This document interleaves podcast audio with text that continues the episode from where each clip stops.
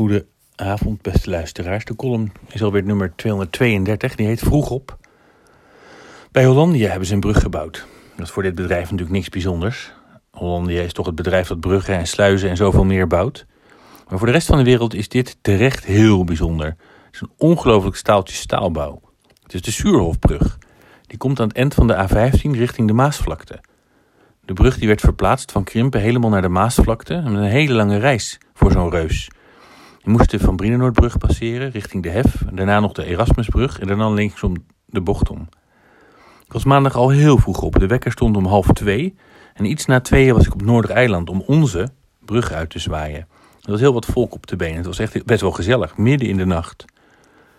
En in Krimpen, ja, daar hebben we heel wat bedrijven die bijzondere dingen doen.